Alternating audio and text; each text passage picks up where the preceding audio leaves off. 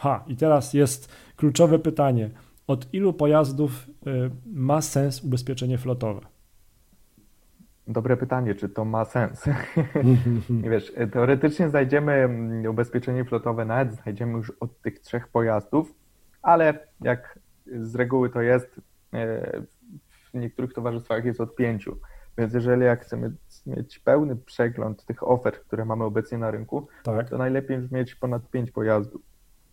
I pytanie, czy to ma sens, czy nie ma sensu, no to tak jak wcześniej wspominałem, to zależy też, kto tymi samochodami porusza się, na jaką odległość te samochody się poruszają, czy to pracownik jedzie, bo e, wychodzi z firmy i jedzie wiesz, dwa kilometry dalej do tego, żeby kupić e, wiem, papier do drukarki.